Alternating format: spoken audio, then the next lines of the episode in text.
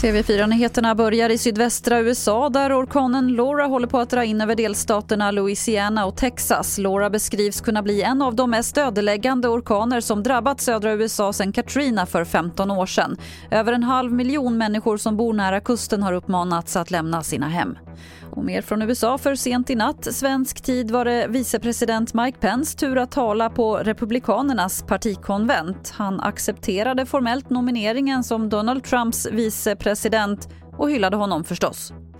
In these challenging times our country needs a president who believes in America.